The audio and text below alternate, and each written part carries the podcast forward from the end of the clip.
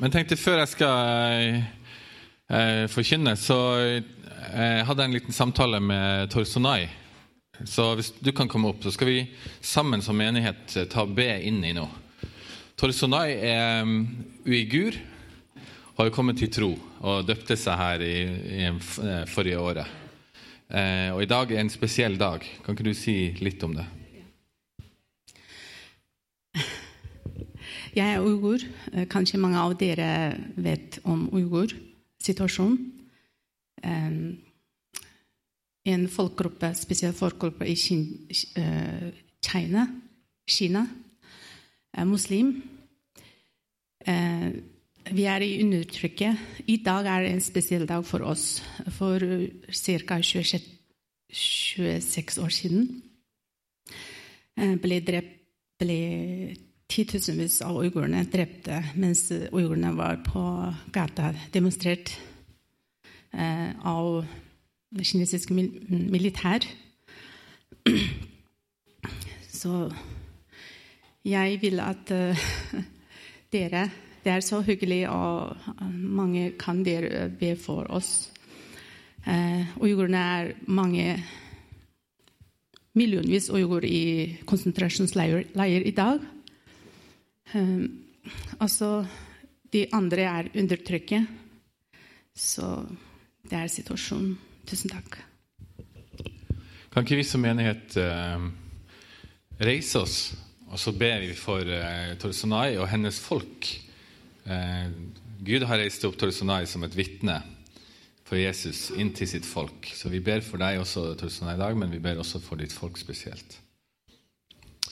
Far, vi takker deg for, for at du er et lys i mørket for de som er undertrykt. Og du ser folket til Torsonai, uigurene, som er undertrykt eh, i Kina, og som lever i flukt og lever i fangenskap. Um, og på mange måter så ser det håpløst ut. Men du er håpets Gud. Og vi ber spesielt i dag for Torsenai og for hennes folk her i Norge, at de får lov til å eh, finne håp i deg og finne frihet gjennom deg. Så ber vi du, at du skal styrke Torsonai Torsanai i hennes liv og kall, der du har reist henne opp til å være et vitne og et lys for sitt folk med ditt navn og i din kraft. Og den sorgen hun kjenner på, for å få lov til å være en sorg som hun deler med deg, far. For vi vet at du sørger over de undertryktes eh, sak. Og du lider med dem, og du eh, ønsker å komme med frihet, og du ønsker å komme med din løsning inn i fortvilte situasjoner, far. Så Vi ber om at midt i sorgen og det opprørte så skal hun få lov til å rope ut sin klagesang, og samtidig får hun lov til å motta håp fra deg. Og det ber vi om, at hun skal få være en stemme for håp for sitt folk. Og far, du eh, vrir kongers hjerter, og vi ber om at undertrykkelsen av uigurene skal ta slutt, og at du skal vri lederne sine hjerter og, og, og de forvridde sinnene som undertrykker uigurene. Ber vi om at du skal føre til ende. Det ber vi om, for du er Gud, og du har makt til å bevege mennesker sine hjerter og mennesker sine sinn. Og vi ber om det, far. Så vær med uigurene spesielt i dag her i Norge, og rundt omkring der de lever over hele verden, far. Noen i frihet, og mange i fangenskap. Vi ber om at ditt navn skal åpenbares for dem, selv når de er i fangenskap. Så ber vi om det. Amen. Og hele folket sa amen. Amen. Tusen takk.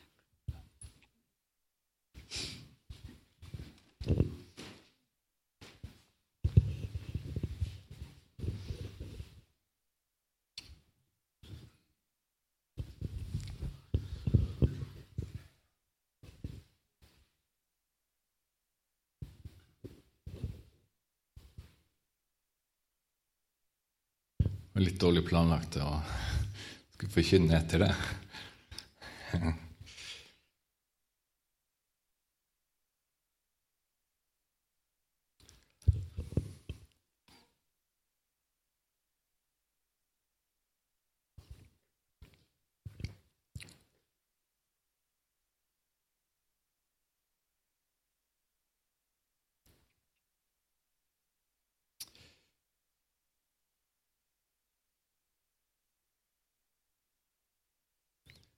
hvilken Gud vi har,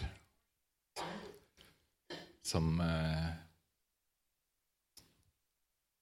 har sett Torsonai og hennes folk.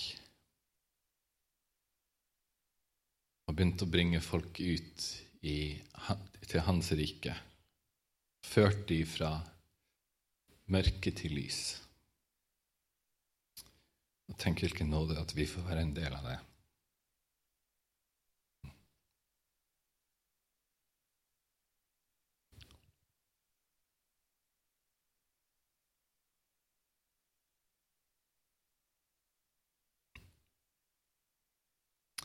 Passer for så vidt uh, sitatet jeg skal begynne med.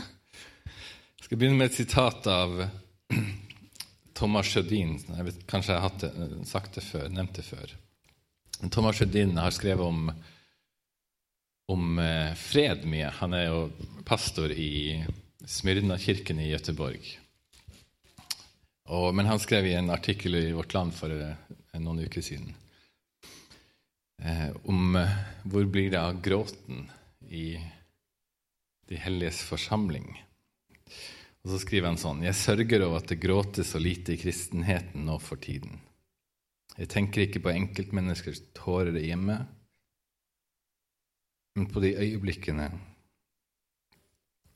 når Guds nærvær og hellighet feier gjennom en forsamling, og det blir umulig å holde tårene tilbake. Så skriver Thomas Sjødin om han savner gråten over manglende hengivelse og undring i kirka. Og Jeg anbefaler å lese den artikkelen eh, i Vårt Land på verdidebattdelen av Vårt Land. Så hva sier gråten om oss? Hva sier den om troa vår? Jeg hadde en samtale med en kollega her som jeg har blitt kjent med i løpet av de siste par årene. En ung pastor her i byen som har vært med og starta menighet. Eh, så satt vi under bønn for Oslo og, og prata sammen. Så sier han til meg du virker så trygg i troa. Eh, stemmer det, eller bare liksom inntrykk, eller eh, Og så fikk vi en god samtale rundt det. Og, og jeg må si jeg er ganske trygg i troa mi. Og så har jeg lyst til å snakke litt i dag om hvorfor det. For ofte når vi snakker om vårt forhold til Gud, om åndelighet her i livet, ikke bare blant kristne, så snakker vi om tro. Vi lager TV-program og radioprogram som heter En samtale om tro. Um, og så har vi spalt i aviser som heter det samme. Enten det er forholdet til tro på én gud blant mange guder, eller på Gud med stor G. Vi snakker om barnetrua, det er vi veldig glad i å snakke om i Norge og gudstrua. Og der jeg kommer fra, så snakker vi om eh, trua på Vår Herre. Eller Han på loftet. Og jeg kan jo spørre dere her i dag, siden jeg er pastor, som en god pastor bør gjøre. Og en god pastor bør spørre. Hvis jeg møter deg på gata, så kan jeg se deg i øynene og så kan jeg si, 'Hvordan står det til med troa di?' Jo da, kan du svare. Den er jo der. Eller så kan du være litt ærlig, og så kan du si ah, det er ikke så mye å snakke om for tida. Eller den har fått seg en knekk. Eller kanskje du er av den frimodige typen som sier at yes, den er supersterk. Har nettopp flytta noen fjell. I hvert fall i tro. Eller den er levende og trygg, kan jo vitnesbyrdet til mange her være. Eller jeg vet ikke lenger. Den pleide å være så sikker. Men nå for tida ah, Jeg vet ikke helt. Tro er livsviktig ifølge Jesus. I Johannes 14, eh, vers 1-4, så skriver han det her. La ikke hjertet bli grepet av angst. Tro på Gud og tro på meg. Tro eh, møter oss med trygghet. Og så snakker han jo videre i de bibelversene om at hadde jeg ikke tenkt å bringe dere hjem til far, så hadde jeg jo sagt det til dere, så tro det jeg sier. Jeg forbereder et sted for dere. Og tro er tillit Når Jesus har sagt noe, så stoler vi på at det er sant. Tro er tillit, og tro er visshet. Og tro er sikkerhet. Og Jesus taler jo her om at han er veien, sannheten og livet.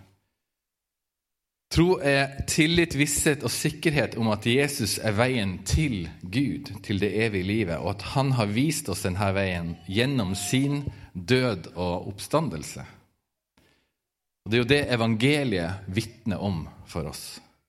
Og Ved å høre evangeliet kan vi få ta imot denne tilliten, denne sikkerheten, vissheten, som Bibelen kaller for tro. Og det er en visshet og en sikkerhet om hva da? Jo, det er en visshet og en sikkerhet om håpet vårt. I Hebrebrevet i Bibelen så finner vi noen vers som utdyper hva tro egentlig er. Tro er å ha et veldig klart syn på hva håpet vårt i Jesus Kristus er for noe. Og I Hebreerne 6,19 så står det bl.a. her om tro og håp, at dette håpet er trygt og fast anker for sjelen. Jesus har tatt vår sjels anker med seg inn til det aller helligste, like inn til Guds trone, og der har han festa det i noe som holder. Vårt indre menneske er forankra hos Gud ved håpet vi har i Jesus Kristus. I hvert fall når jeg vokste opp, så når vi konfirmerte oss, så var det vanlig å få smykker med hjerte kors og anker på. Jeg vet ikke om det fortsatt er vanlig, da. Men det var liksom sånn tro, håp og kjærlighet. Og der troa er korset, og kjærligheten er hjertet, selvfølgelig. Og så ankeret er håpet vårt, som er forankra i det allhelligste hos Gud. Og Jesus lever og vil føre oss helt fram til det evige livet hos Gud. Og det er det her håpet som troen tar tak i og viser oss sikkerheten i. Det er et sikkert og levende håp, sier troa oss. Lev på det, gå på det. Du kan gå på det fordi at ankeret holder. Hebreerne 11,1 sier sånn Troen er et pant på det vi håper, et bevis for det vi ikke ser. Så tro handler om at håpet vårt er sikkert. Det holder mål. Du kan gå på det, du kan leve på det, du kan virke ut ifra det. Derfor er troen og håpet så nært knytta til hverandre. Mister du håpet, så mister du troa. For da mister du ankerfestet i livet ditt. Jeg har fått et ganske konkret forhold til anker og til håp og til tro. Fordi at eh, jeg er jo egentlig fiskeskjønn, eh, hvis dere ikke visste det. Jeg pleier å skryte, skryte av det. Eh, jeg er ikke så veldig til fiske sjøl, egentlig. Jeg har vært med på noe, en del fisketurer opp igjennom. Men jeg vet nå hvordan man kan fiske, i hvert fall, og komme seg ut i båt. Og jeg har sett litt ned på de som driver og tøffer rundt med sånne cabincruisere og sånne lystbåter her sørentil. Båt er ikke for sånt. Båt er for at du skal ut i stormen og, og dra torsk. Og eh, eh der min far kommer fra, den fantastiske øya, en sånn perle oppå Helgeland, der finnes det jo nesten ikke båt, båter som er laga til forlystelse. Det er alltid liksom litt blodslag igjen i båten når du skal ut og sole deg, liksom. Så, eh, men de siste årene så har jeg fått lov til å eh, nyte båtlivets eh, luksusdel. Eh, jeg har fått lov til å låne cabincruiseren til svigers. Eh, og De siste fire-fem årene så har vi en uke om sommeren tøffa ut med den eh, utafor eh, skjærgården eh, i Kragerø. Um, og jeg tenkte faktisk Jeg var veldig fordomsfull. Jeg er sikkert litt fordomsfull fortsatt, på mange vis. Men jeg jeg tenkte at det her kommer jeg ikke til å like. Men du verden hvor utrolig digg det er å tøffe ut på en holme, og så bare ligger du der i sola og lever liksom bade, båtliv og alt. Så ikke si det til noen, men det er et eller annet de ikke har forstått nordpå når det gjelder akkurat det. Det har kanskje en sammenheng med været også. Da. Det er liksom cabin cruiser i sørvest og storm er liksom ikke mm. Så. Men det jeg har fått også oppleve, er jo jeg Selvfølgelig er jo skipper på den Kevin-cruiseren. Og har en del matroser i familien som eh, løper rundt på min kommando. Men en av de tingene som vi har prøvd Vi har kjørt ned eh, til Grimstad, altså Sørlandet, og, og liksom fri Ligger i, i frihavner litt rundt omkring. Bare legge til en holme. Og, og da er det alltid så utrolig viktig for at du skal ha fred om natta i den båten, at du vet at du er forankra ordentlig. Og jeg må si at jeg har hatt et par netter der jeg har ligget og ikke fått sove i det hele tatt. Der du ligger og hører etter enhver lyd, og du hører at det knirker i, i ankertauet, liksom. Og, og, du er helt kjørt dagen etterpå, for du har ikke fått sove i det hele tatt. For du har vært så usikker på om ankeret har holdt i vær og vind. Eh, og jeg har også opplevd at ankeret har sluppet. Og da er det liksom full alarm å få opp kona, og hun hopper i land i undertøyet og, og liksom skader seg, og jeg liksom Ja. Det er liksom Det er full kaos. Så det med ankerfeste i, i båtlivet og i livet ellers, for at vi skal få lov til å leve i fred og leve i sikkerhet, leve i tro, er utrolig viktig. Så tro er utrolig viktig. Håpet må være levende og noe vi kan stole på. Men enn så viktig som spørsmål og tro, om tro og håp er, så har jeg faktisk lyst til å spørre dere et viktigere spørsmål i dag. For Jeg har lyst til å foreslå et annet spørsmål som kanskje er enda viktigere i møte med vårt liv enn tro og håp. Ofte så snakker vi om troa som en del av våre liv, som om vi alle har en egen trosavdeling vi må sjekke med når vi møter spørsmål om tro. Hvor stor tillit har vi i trosavdelinga nå for tida, egentlig? Men jeg har lyst til å lansere et annet spørsmål. Og det er spørsmålet om kjærlighet. For jeg tror at Gud inviterer oss inn videre forbi spørsmålet om tro og tvil, håp og mismot, enn så viktig som det er. Og Det er en invitasjon til spørsmål om, som går enda dypere i vår sjel, og det er spørsmål om kjærlighet. Derfor vil jeg som pastor Noen ganger kan man bruke den som tyngde som pastor. Nei, Derfor har jeg lyst til å spørre dere som brødre og søstre i, Christ, søstre i Kristus hvordan står det til med kjærligheten? Hvordan står det til med kjærligheten til Kristus i livet ditt? Vi er elska av Gud sånn at vi får lov til å elske Gud og leve i kjærlighet.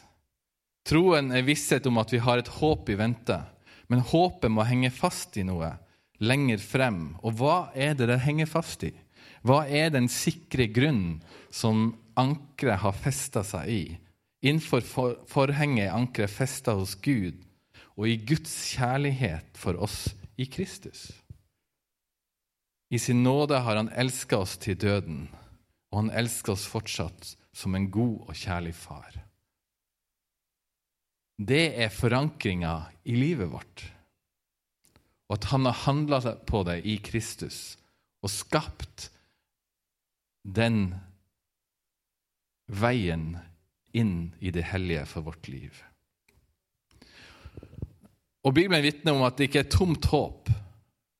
Og livene våre er invitert inn i en erfaring for å erfare at det heller ikke er tomt håp. For håpet ligger også i ånden som er gitt oss. Og Romerne 5.5, som vi ofte nevner her, vitner så tydelig om det. Og det vitner om en erfaring som mange av oss har. Der står det sånn Og håpet skuffer ikke, for Guds kjærlighet er utøst i våre hjerter ved Den hellige ånd, som Han har gitt oss. Håpet svikter ikke på grunn av hva? På grunn av kjærligheten, som ikke bare eksisterer i det himmelske, men som er tømt inn i våre liv. Derfor er det viktigste spørsmålet vårt hvordan står det til med kjærligheten vår? opplever vi at kjærlighetens gave, ikke bare troens gave, håpens, håpets gave, men kjærlighetens gave i Den hellige ånd, brenner på innsida. Derfor tror jeg Thomas Sjødin har et poeng. Når ble du sist bevega til tårer over å kjenne deg elska av Gud? Eller bevega til tårer over å få lov til å elske Gud? Eller få lov til å elske de neste, som er en del av samme pakka? Eller bevega til latter og glede for den saks skyld? Du er kanskje ikke den som gråter for mye. Noen av oss er kanskje ekstra belasta for gråten. Men når kjente du at kjærligheten som er tømt i ditt hjerte, bare bobler over? Når kjente du at åndens varme vind blåser gjennom din frosne sjel og varmer den opp som vårvind som kommer og tiner opp vinterlandskapet? Vi snakker om forfrosne nordmenn her. Det er min lengsel at vi skal få lov til å leve i den stadige fønvind av Den hellige ånd. Få merke at ting prøver å komme inn og etablere vinteren, men det smelter i møte med brannen i hjertet vårt. Vi har fokusert en del på nyåret på at Guds rike er en fest, et gjestebud. Og dere har til og med sett noen forsøk på dans av noen her. Jeg kan ikke love at det skal gjenta seg. Og noen, jeg snakka med noen som, som noen beslekta sjeler som, som, sier til meg at jeg håper jeg slipper å danse. Det håper jeg også, på mange vis. Eh, for poenget ligger ikke der at vi skal liksom um, at vi skal liksom skape et eller annet sånn her kultur at man må gjøre et eller annet. Men for å rydde unna en del eh, misforståelser, så er det gjestebudet, den festmåltidet vi inviteres inn i, er ikke liksom at vi skal liksom skape oss eller liksom gjøre masse ting. Det handler om kjærligheten itømt i våre hjerter ved Den hellige ånd. Det handler om at i Den hellige ånd, i Guds rike som er gitt oss, så er det liv, så er det kjærlighet, så er det en kraft som på et eller annet vis vil kom, måtte komme ut. Derfor tror jeg Thomas Sjødin har rett når vi opplever at Ånden virker i vårt liv, at festen på mange måter er oss til det liksom i, så nært, så uttrykkes det også i livet vårt. Men poenget er ikke at, dere, at man skal liksom Ja, nå må dere uttrykke. Poenget er jo kjærligheten. Hvordan står det til med kjærligheten? For festen vi snakker om, er festmåltidet i Den hellige ånd. Det nye livet som en ny skapning der alt det gamle er borte. Det er en invitasjon til å leve et liv med en skatt og en fest i våre indre, som ved troen får følger for hele livet vårt. For kjærligheten er kobla til troen ved håpet. Og det er kjærligheten som er det som gjør at vi til slutt kan gå i tro. Fordi at vi vet at det holder. Vi kan gå på det. Og vi kan gå på det her og nå fordi at vi er gitt kraften til det. Og For å rydde unna andre misforståelser Jeg takker til orde for at vi nå skal leve, leve i fest og overdådighet. Hvis noen som tenkte det. Jeg dissa jo liksom kaffe og kringle. og Jeg syns det er fantastisk i dag at noen har bakt kake og kaffe. Det handler ikke om det. Det var ikke poenget mitt. Men heller ikke det motsatte. Det er en tid for fest, og det er også en tid for måtehold. Men poenget er at hvis vi reklamerer for festmåltid, så må vi levere festmåltid. Hvis vi sier 'kom til Jesus', og så skal du få oppleve gjestebudets bugnende gaver, så må vi alle sammen gå den veien der vi søker at kjærligheten får boble over i livet vårt. At åndsgavene får være i funksjon. Som gjør at når mennesker kommer inn i vårt fellesskap, så opplever de ikke mm, det var god mat de serverte. Men det de opplever, det var et liv i Den hellige ånd jeg fikk del i. Og det må være lengselen. Guds rike er ikke god vin, biff og dans til langt på natt, eller kirkekjeks og kaffe. Guds rike er festmåltidet i Den hellige ånd. Og det er jo ikke sånn at vi ikke skammer oss over evangeliet fordi det er en kraft til å hjelpe oss til å regulere synd i liv og samfunn, og hjelpe oss på veien gjennom livet, og til slutt håpe på å bli sluppet inn når vi møter Sankt Peter. Er det målet for livet som vi inviteres inn i? At vi skal klare å skikke oss og regulere oss, og forhåpentligvis kanskje få del i livet? Når Paulus skriver i Romerne 1,16 om evangeliet, så skriver han sånn her For jeg skammer meg ikke over evangeliet, fordi at det er en Guds kraft til frelse for hver den som tror, jøde først, og så greker. Og Videre så sier han senere i romerbrevet at for Guds rike består ikke i mat og drikke, men i rettferdighet, fred og glede i Den hellige ånd rettferdighet, fred og glede i Den hellige ånd. Og da tror jo jeg, som en enkel sjel fra nord, at det livet som Gud kaller oss inn til, det er et liv av tro, håp og kjærlighet, og til er rettferdighet, fred og glede. Og det er festen vår. Det er måltidet vårt. Og det flyter ut ifra kjærlighetsrelasjonen til Jesus Kristus. For det er Jesus ved Den hellige ånd i dag som leder oss inn i et liv i rettferdighet, glede og fred. Tro, håp og kjærlighet. Og det er gode nyheter. Det er mye bedre enn god vin og biff. Tja, tenker du. Hva kan vel være bedre enn en god biff? Rettferdighet, glede og fred, folkens. Tro, håp og kjærlighet, hva tenker du om det? Tja Vi har det jo så bra. Poenget mitt her er at jeg tror vi så lett underslår kraften i evangeliet og kraften i Den hellige ånd til å forvandle livene våre fundamentalt, sånn at vi får leve et liv i kjærlighet Åh, Det er jo fantastisk å få lov til å elske. Og det er jo fantastisk å få lov til å bli elska. Jeg syns alltid det er vanskelig å velge mellom de to, så vi må bare ta ja takk, begge deler. ikke sant? Å få lov til å bli elska, få lov til å elske, er jo livet selv. Og Det er jo det livet vi er invitert inn i ved Ånden, på grunn av Jesu verk, på grunn av Faderens kjærlighet for oss. Hvordan står det til med kjærligheten, folkens? Eller menighet? Ofte så ser vi oppfordringer og befalinger i Det nye testamentet om å ikke slukke ånden. Den gjentagende eh, oppfordring og befaling. Slukk ikke ånden.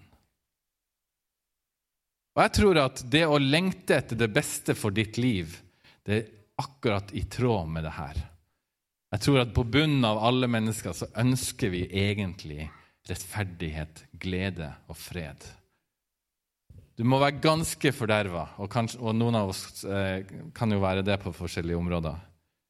Men på bunnen, hvis vi egentlig fikk det vi ønska, i, i vår beste øyeblikk i hvert fall, så er det tro, håp og kjærlighet, rettferdighet, glede, fred. Får jeg den pakka, folkens? Hæ? Hva kan vel Biff og, eh, og liksom Grandiosa stille opp med? Hva kan den villeste festen egentlig stille opp med? Derfor tror jeg faktisk problemet er ikke at vi lengter etter for mye, men at vi lengter etter for lite. Vi tar til takke med for lite av livet.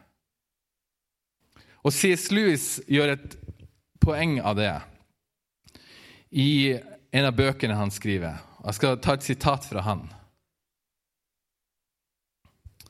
Sannelig, hvis vi tar i betraktning de skamløse løftene om belønning, og hvor svimlende belønningene som er lova i evangeliene, er, ser det ut til at Vår Herre ikke finner våre lengsler for sterke, men for svake. Vi er halvhjerta skapninger som tuller rundt med drikke og sex og ambisjoner, når uendelig glede tilbys oss.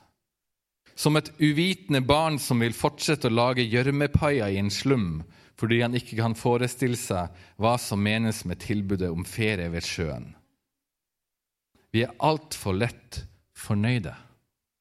Vi tilfredsstilles altfor lett. Problemet er ikke dine lengsler. Problemet er ikke at du ønsker livet. Problemet er at du må, du må ta imot livet med stor L.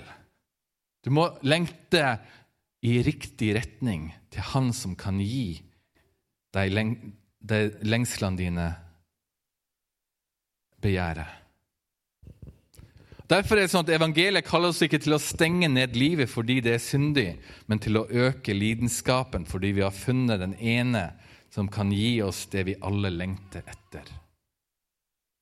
Og Det er kjærligheten i Jesus Kristus. Det er livet i Den hellige ånd. Derfor, Når vi åpnes opp til det nye livet, så er det jo ikke bare sånn at ok, velkommen hit, nå har du blitt en kristen. Skal vi se, Da må du slutte med det og det, så må du slutte med det, så det, og så må du i hvert fall slutte med det.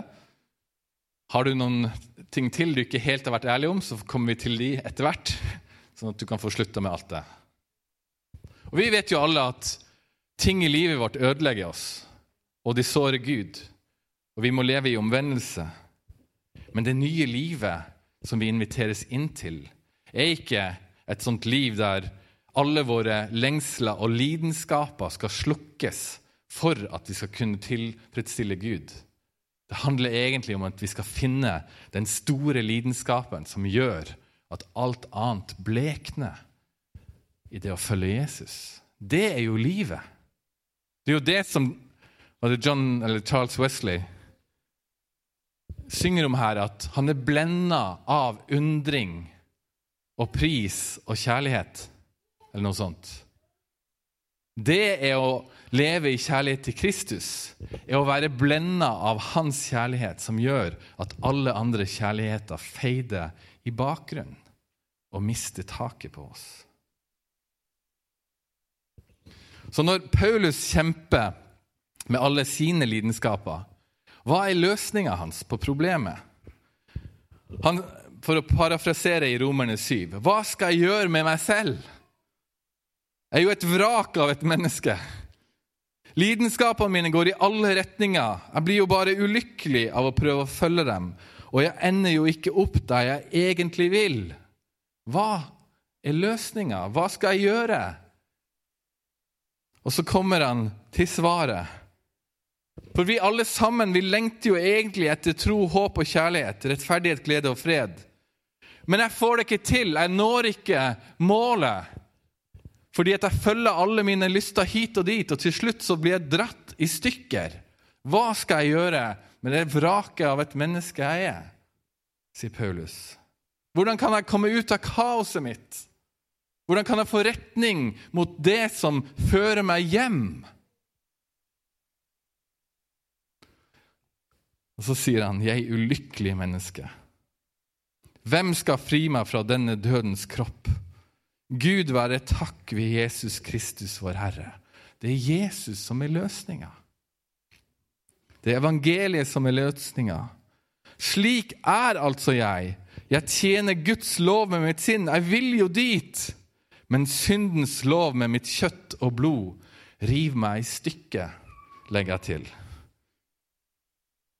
Så fortsetter han inn i Romerne 8. Eller vi har jo satt versene og kapitlene så er det da ingen fordømmelse for dem som er i Kristus Jesus. For Åndens lov som gir liv, har i Kristus Jesus gjort deg fri fra syndens og dødens lov. Det han egentlig sier her, er at det finnes en lidenskap. En lidenskap i Jesus Kristus som vil legge alle andre skadelige lidenskaper død i deg. Han vil fri deg, og han har fridd deg fra syndens og dødens lov i deg. Ved at han har gitt deg en annen lov, en annen lidenskap, som er lidenskapen til Kristus, som er frihetens lov, som vi får leve i ved at han har uttømt sin kjærlighet i våre hjerter ved Ånden. Og så sier han, lev med Ånden. Drikk deg ikke full på vin, drikk deg full på Den hellige ånd. Hvordan står det til med kjærligheten?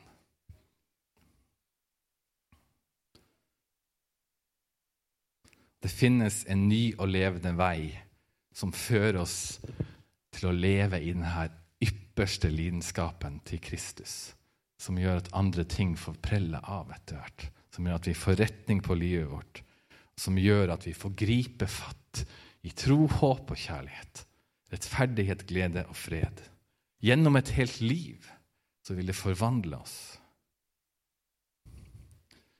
Jeg skal straks gå til avslutning, men jeg er nødt til å, å snakke om ting som, eh, som er betimelig. Spørsmålet som alltid dukker opp når vi snakker om lidenskap, og om det som river og sliter i oss, og spesielt i vår tid, er jo identitet, vår seksualitet, vår legning. Og det gjelder oss alle sammen. Uansett hva det er som river og sliter i oss.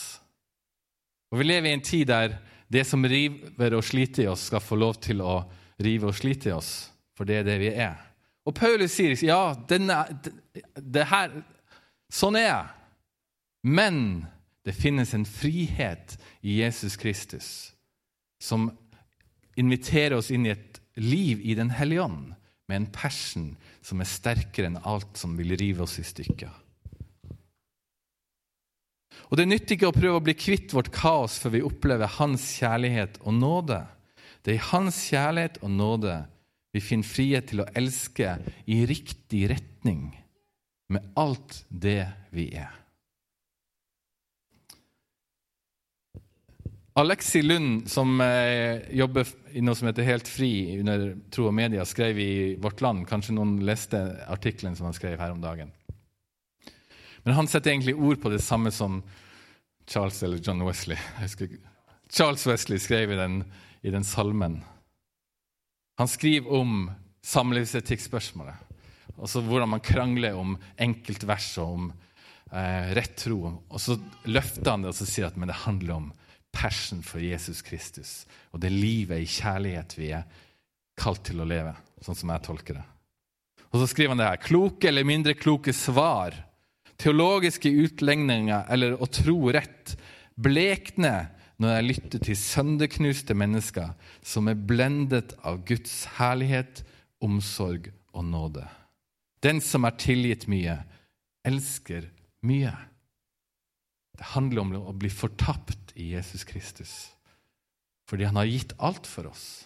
Fordi at Gud har kommet og blitt som oss og dra, blitt dratt gjennom et menneskeliv til den verste død og til den verste pinsel, til det største offer. også på grunn av kjærlighet. Hvorfor skal vi ikke kunne kaste oss på en sånn Gud og vite at det håpet der, den kjærligheten, det ankeret der sitter i, det vil aldri noensinne svikte.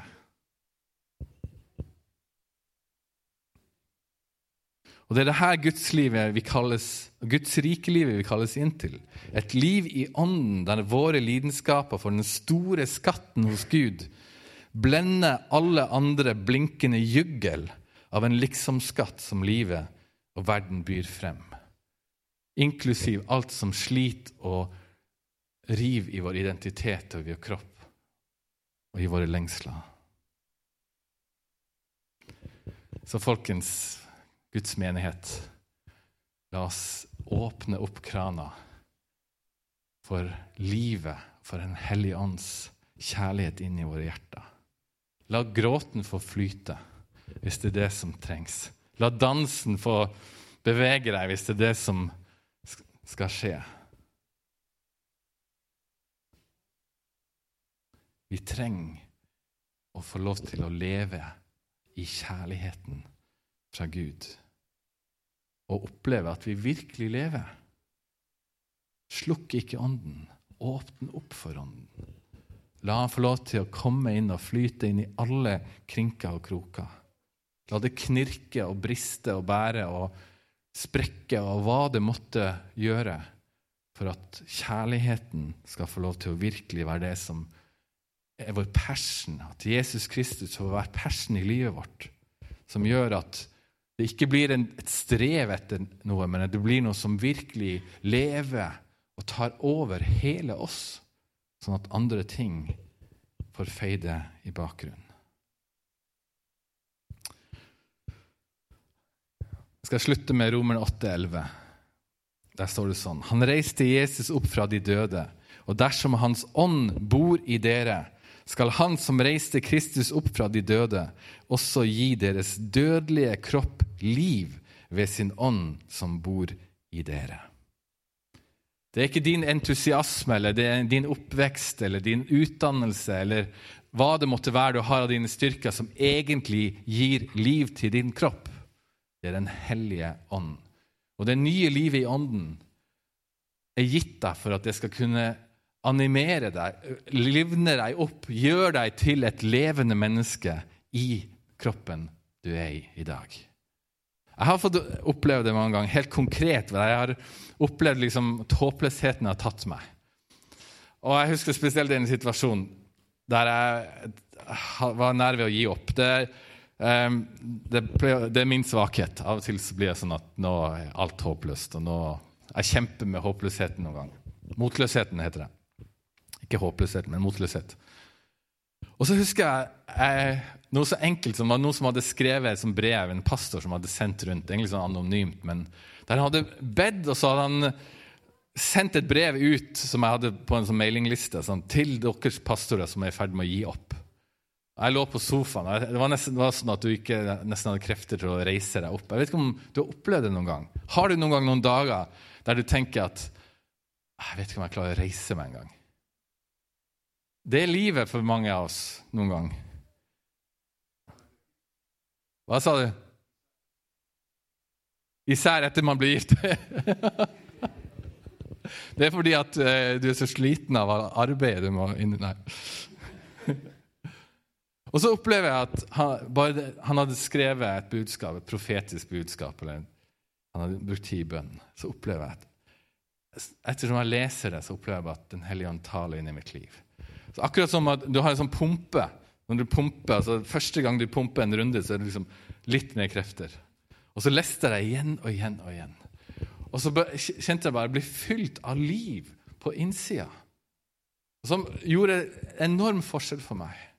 Og jeg vet at du har opplevd det også. Når noen her deler ord fra Gud til deg, rett inn i din situasjon, så opplever du at plutselig så får du en sånn injeksjon av livet igjen, som, som gjør at du åh, tilbake on track. Du ser Kristus igjen. Du, ånd, du opplever Ånden igjen. Så Derfor har jeg lyst til å avslutte bare nå helt med det. Hvordan står det til med kjærligheten? Og Hvis det er noe som vi burde virke til i fellesskapet vårt, så er det å øke appetitten for lidenskapen for Kristus. Så jeg håper jeg kan få være med og øke appetitten din. Det finnes en lidenskap som vil ta deg forbi alle andre lidenskaper som river og sliter i livet ditt. Og det er Kristus, det er Ånden, det er Faderens kjærlighet. Det er tro, håp og kjærlighet, og det er rettferdighet, glede og fred som er måltidet vi er invitert inn i. Amen. Jeg skal be en bønn for dere og oss alle sammen. Far, jeg ber om at vi må få lov til å vokse i kjærlighet til deg, Jesus, og i etterfølgelse av deg, Jesus.